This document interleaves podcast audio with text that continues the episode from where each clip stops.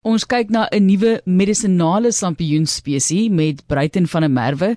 Hy's 'n honeurs BSc student aan die Universiteit van Stellenbosch en hy het dit geïdentifiseer daar endemies tot die Nysna Bos. Baie welkom aan jou Bruiten.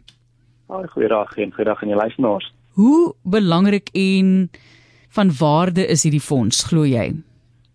Kyk ons nog nie al medisinale navorsing gedoen op hierdie sampie nie, maar daar's ander soortgelyke sampiene in die genus um wat ook goed bestudeer bestudeer is vir die medisinale waardes. Um en omdat dit is nou soortgelyke sampiene, dink ons dat hy wel goeie um goed en om kan hê wat ons nou hierdie jaar gaan bestudeer. So het jy nou die nuus na Bos toe gegaan of het die nuus na Bos na jou toe gekom? Vertel net vir ons bietjie hoe die proses gewerk. Het iemand dit gevind en jou toe gebring en gesê luister jy moet kyk na die ding of het jy op 'n stap toe gegaan? Nee nee, ek het ek was in 2021 daar in die area so my pa en dis my familie op op 'n stap tog. Ehm um, en toe sien ons sien sien like die snaaks of something in the call. Ek weet dit is nie geen is ehm um, Harisia maar ek het geweet of ehm um, daar was nog geen ander spesies ehm um, beskryf in Suid-Afrika nie so dit het my laat dink dit bietjie snaaks dat hierdie sampie nou hier voorkom veral toe ons later uh, uitvind dat dit net op inheemse boomsoorte is soos uh, stinkhoutbome en ysterhoutbome. Ehm um, en dit was nog interessant vir my en ek het gedink ons moet dalk hierdie bietjie verder die die verder daarna kyk en ja, vind ons uit dat dit wel nog genetiese navorsing ehm um, 'n uh, nuwe spesies is. Nou kyk, ons weet jy's 'n honeurs BSc student en jy gaan nou juist daai graad fokus om verdere ondersoek in te stel, maar vertel ons net van jou studie agtergrond sodat jy geweet het watter wetenskaplike naam daai Sambiyun groepering dra. Ehm um, ek dit is nou nie heeltemal deel van ons kursus ek dit is maar net ehm um, iets van ek belangstel is maar Sambiyune ehm um, en dit is ook iets wat my professor professor ehm um, Jacobs uh, van die departement Stellenbosch sy mikrobiogie departement um belangstel. So ek het maar net um al toe gekom met hierdie sampie en gedink is interessant en het maar so verstaan. Jy het geweet iets is anders daaraan. Vertel vir ons nou van die navorsing wat so ver gedoen is. Ek weet jy sê daar moet nog meer gedoen word juis om die medisinale waarde daarvan vas te stel verder, maar wat het julle alles bevind? Uh sover um dat ons het uitgefigure dat dit nou uniek is omdat ehm um, sy gene nie so gelyk is aan ander aan die gene van ander Hericium spesies nie. Uh ons het gefigure dat net op sekere bome groei. Ehm um, en hierdie bome is maar redelik uniek in Suid-Afrika. Ehm um, ja, like as op die reeks nou van omtrent nice nou is tot ehm um, die Amatola berge. Ehm um, ons het gefigure dat hy net in die somer voorkom, die Sambien self. Dan dis maar wanneer jy daar area sy reënval kry, jy sien binne hou nog baie van reënval. Ehm um, so ja, hy kom voor ek daai van die jaar voort.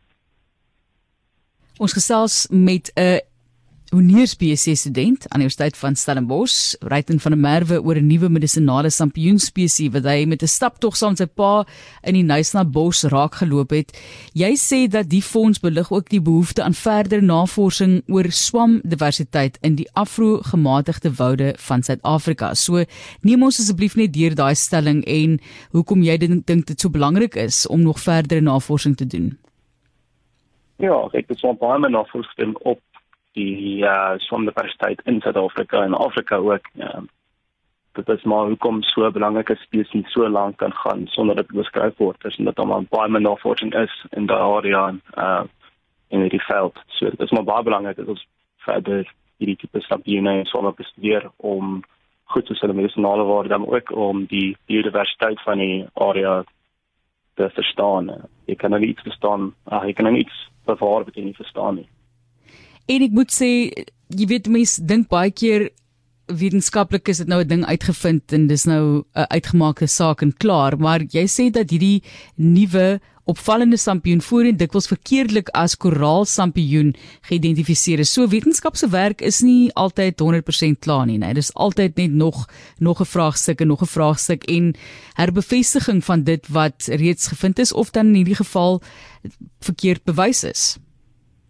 Ja, nee, dit is 'n groot deel van navorsing is om om goed verkeerd te bewys. Ehm um, ja, valse goed baie van hierdie sampioensoorte in die genus Erythrium like body dieselfde so dit sou maklik wees om twee spesies ehm um, ja ek ek sou maklik twee spesies kan ehm um, misluk van mekaar so, ja dis maar deel van navorsing is om ander navorsing of ander uh, idees verkeerd te bewys kyk ons weet sampioene is goed vir jou.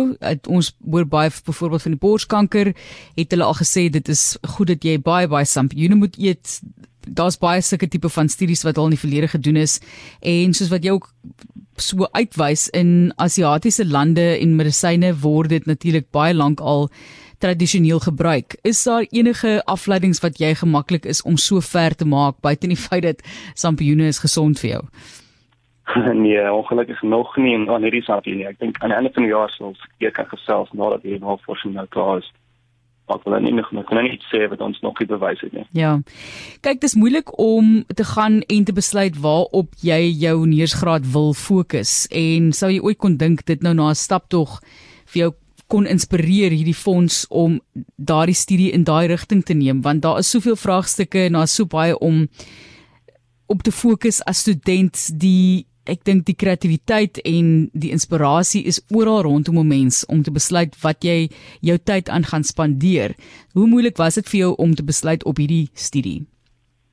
Ja, nee, glad nie moeilik. Dit was maar net 'n natuurlike vloei van van dinge waar jy vind iets in die wêreld en dit lyk interessant en jy doen 'n bietjie meer navorsing, jy vra van so mense wat nou kennis is en ja, in ding lei tot ander en En gee ons vertel ons net van die naam en die digter wat die naam na vernoem is. Ja, so die naam kom van ehm, 'n um, gedig deur uh, Arthur Rimbaud. Hy was 'n uh, avontuurlustige Franse digter. Hy het hy is nie 800 so sy 'n um, uh, groot skrywer.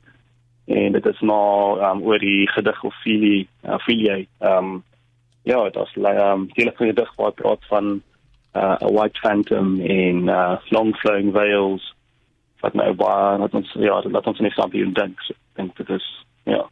Dit het niks dit het iets te doen met Ophelia van William Shakespeare enigsins ja, in Hamlet. Ja, die gedig is gebaseer op Ophelia van William Shakespeare. Ja. Ek wou sê ja. Uh, dit is uh, dit was net te naby geweest. Daai ons sê vir jou baie dankie, baie sterkte. Ons sal graag van jou wil hoor wanneer jy nou voel jy het die studie gedoen so breedvoerig as wat jy moontlik kon en daai nuwe bevindinge wat jy sê hopelik op pad gaan wees is jy opgewonde elke dag as jy met hierdie werk sit of is dit maar net werk en jy gaan na deur soos wat jy gewoonlik daardeur sou gaan of is daar tye wat jy regtig opgewonde raak oor wat jy alles kan uitvind? Nee nee nee, dit is vir alles waar ek dink deesdae so dat uh, nee, dit maak baie opgewonde. Okay.